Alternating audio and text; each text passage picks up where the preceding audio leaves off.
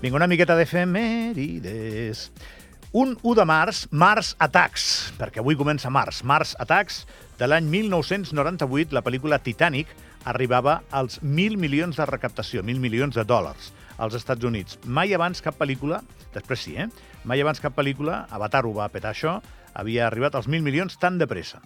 L'any 1810, 1 de març, naixia Frédéric Chopin, o Chopin, perquè aquest home era polonès quan va néixer, però es va fer molt popular per la feina que va desenvolupar com a pianista en els seus anys a França i a Mallorca, que també hi va viure. Eh? L'any 1904 naixia Glenn Miller, i va morir a la guerra, a la Segona Guerra Mundial, on el tio s'hi va involucrar com a músic, l'any 1944. L'any 1910 naixia David Niven, El puente sobre el río Kwai, la meva mare li deia guai, però és guai. Eh, va morir el 1983, aquest actor britànic tan distingit eh, en les seves actuacions i en la manera com simplement es comportava quan entrava en una sala. No? David Niven era allò que en dèiem el prototip del gentleman. L'any 1958 naixia eh, el cantant britànic Nick Kershaw, i anem a les persones que van morir un dia com avui. Doncs un 1 de març de l'any 2021 moria Quique San Francisco, un actor espanyol de comèdia. L'any 2023 moria el màxim golejador de la història de les fases finals dels Mundials, no sumat sinó en una sola. Parlem de futbol, eh? El francès Just Fontaine va marcar 13 gols a la fase final del Campionat del Món de l'any 1958, que ha passat a la història, sobretot perquè va ser el Mundial en què es va fer popular Pelé, que en 17 anys va marcar uns quants gols, un de memorable, a la final que va guanyar Brasil a Suècia per 5 gols a 2.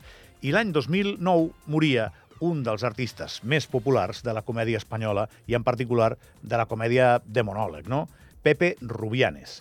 Hi ha molts fragments de la vida de Rubianes, abans en parlava el matòmetre Ana Mata, que serien eh, susceptibles de ser escoltats ara mateix. Però hi ha un, en particular, i això és opinió personal, sobre el treball que fa dos minuts i pico, que el podeu trobar a qualsevol canal en el que hi hagi vídeos, sobretot YouTube, que és que és boníssim. Llavors, ara farem una mica de Rubianes i després anem a fer agenda del cap de setmana esportiu, que hi ha un munt de coses. Perdona, Prim ponía un poco más abajo en entre paréntesis. Entonces, claro, mi familia, al quedarnos sin la herencia del abuelo, pensábamos que íbamos a heredar un fortunón del copón. La verdad sea dicha, el abuelo no dejó un duro, deudas, y claro, a la familia no nos ha quedado otra alternativa en la vida más que practicar ese noble arte que practica el 99,9% de la humanidad, que es el trabajar. El trabajar, ya saben ustedes, con todo lo que el trabajo conlleva, el trabajo dignifica al hombre, el trabajo te honra, el trabajo te realiza, el trabajo te pule, te abrillanta, te da esplendor. El trabajo es la hostia, el trabajo hasta te pone cachondo, fíjate. Hay que ver lo cachonda que va la gente a trabajar a las 6, 7 y 8 de la mañana. Todo el mundo cantando y bailando por la calle. Vamos a trabajar, la, la, la, la. ¿Dónde vais con esa marcha matinera? A trabajar. No he podido dormir en toda la noche esperando este momento de gloria. Y en los medios de transporte todo el mundo pegado, junto, porque se quieren, señoras y señores. Y algunos hasta van en caravana. Nos queremos. Jaleando al conductor para que llegue pronto, para ser conductor y el otro. cu, cu, cu, cu. Semejante funcionamiento social, coño, lo tenían que colgar de los huevos así del techo y hacerle girar como las aspas de un ventilador tropical. Con una cadenita, riqui, riqui, riqui, riqui. Vaya pedazo de hijo de la gran puta, oye. Que vayan a la mierda con el trabajo, la dignidad, la realización. Se lo metan todo en la punta del nabo, a ver si les cabe. Bimba, les explota y le quedan los huevos colgando en los campanarios. Que vayan a engañar. Es verdad, hombre. Qué fuerte. Que vayan a engañar al coño de su abuela. Trabajo dignifica al coño de tu abuela, dignifica mamón con acento en la M para joderle. Ganarás el pan con el sudor de tu frente, con el sudor de tu polla lo voy a ganar. Qué bestia, nene, qué bestia. Se me calienta la boca. Y eso que está la tele y voy cortado. Pues nada, señores y señores.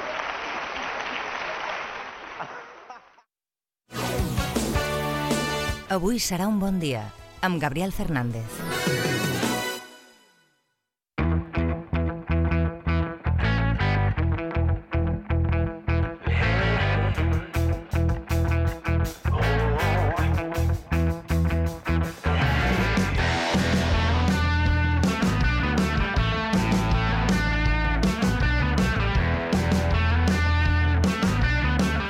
Ana Mata no ha marxat. De fet, Ana Mata avui no està venint al programa, simplement no se'n va. Eh, avui tenim liats els companys de la redacció d'esports d'aquesta casa perquè és el que té treballar, que hi ha rodes de premsa, convocatòries, però no deixarem, esdeveniments també, competicions, també passa, no deixarem de comentar que tenim un cap de setmana apassionant a nivell esportiu per endavant. L'Anna té les dades hi ha, com sempre, dos eh, partits que ens criden més l'atenció i, en particular, si coincideix que juguen a casa, el Morabanc Andorra i el Futbol Club Andorra. El Morabanc Andorra té probablement el partit de la temporada quan atractiu. Ve el campió d'Europa, el Real Madrid, diumenge a dos quarts d'una. A més, avui hem tingut aquí a Gorka Ixàs, el president del Bàsquet Club Morabanc Andorra, que ens ha explicat també en un punt de l'entrevista doncs, què és el que esperaven d'aquest partit. Serà un partit important. Recordem que l'anada eh, contra el Real Madrid, que recordem que vam haver de canviar de dates i per això aquest partit es juga aquest dia 3, aquest diumenge dia 3, vam donar, podríem dir, la sorpresa, entre cometes, perquè vam plantar cara a un Real Madrid que, com dèiem, campió d'Europa, primer actualment en la Lliga, en la Lliga CB. Per tant, mmm, serà un partit important. A dos quarts d'una, com dèiem, al poliesportiu. El club també ha preparat aquesta eh, pre-party, no? aquesta fan zone abans de, de començar el partit i crec que la bombonera estarà molt plena, amb ganes de veure un partit vibrant i si tornem amb les ganes que vam agafar l'últim partit, doncs crec que les sensacions seran bones.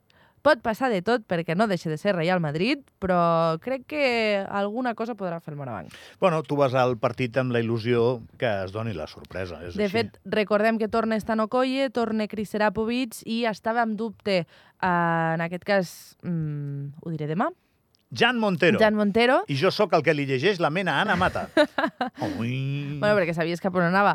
Però sí que és cert que de moment eh, crec que no se sap encara si Jan Montero estarà disponible o no per aquesta, per aquesta convocatòria. Això és un marramiau important, eh, si no juga Montero. Per això mateix, en principi, segons sabem, no és tan, tan, tan dramàtic, perquè ahir s'acaba de fer les proves, no sé si els companys d'esport tenen, tenen més, més informació, però sembla que no és tan important la possible lesió que tingui, que tingui Montero.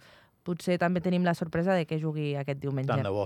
És molt important Montero pel Morabanc Andorra.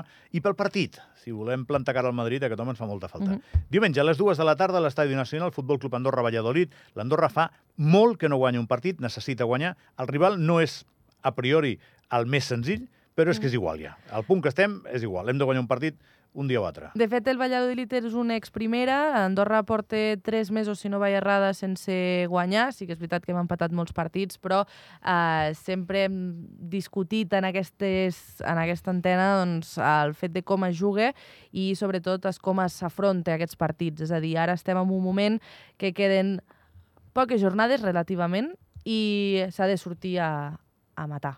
Ahir vaig veure una estoneta, el que vaig poder, perquè vaig tenir embolic, de l'Atlètic de Bilbao al Atlètic de Madrid. Vaig veure segona part, que ja anaven guanyant 2 a 0. Atlètic de Bilbao, liada padre a fora de, de l'estadi. Sí, ho vaig de veure dir, també, tant la marinera, eh? Però que la manera que juga aquest Atlètic de Bilbao de Valverde, entrenador a qui no suportava el Mm. culer mig, també t'ho dic, és exactament més o menys el que jo crec que tu estàs demanant per la sortida dels partits de l'Andorra. Si estàs jugant la vida, doncs que, la, que el rival senti que l'estàs mossegant des del primer moment. I si et marquen, et marquen. Vull dir, és normal que et protegeixis, però a vegades igual has d'anar per totes. Eh, I el, el, crec que l'Atlètic de Bilbao també és vulnerable, eh? quan, quan Mm. mostra tanta ambició i va a tots els duels i són 3 contra 1.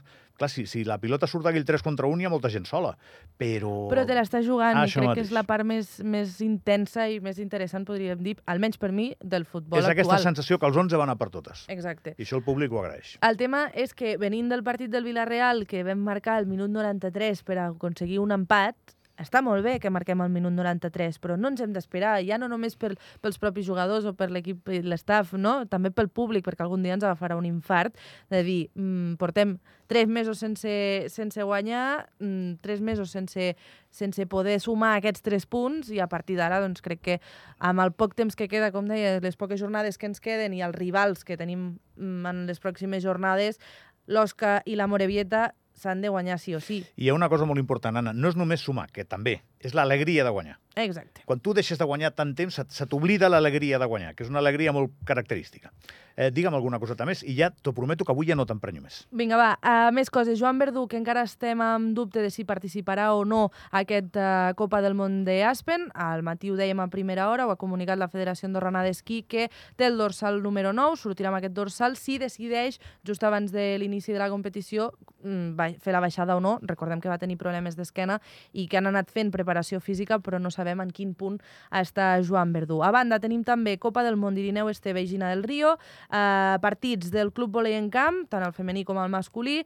L'Andorra Hockey Club se'n va cap a Mollerussa a fer un uh, partit avui mateix a dos quarts de deu del vespre, FAF de futbol sala, l'enfaf femení i també la setena edició de l'esquimo femení, que serà diumenge dia 3 a Pal, aquesta el que han anomenat la Festa de, de les Dones, una cursa solidària, que a més es poden inscriure encara i recollir els dorsals. Avui tenen temps des de les 2 i fins a dos quarts de 9 del vespre. Gràcies, Anna. Ahir ja Carlemany, per cert. A tu, fins ara. Perfecte. Eh, pausa i ens queda la darrera hora. Josep Tomàs, Jordi Cama. Apunteu aquests noms. És molt important.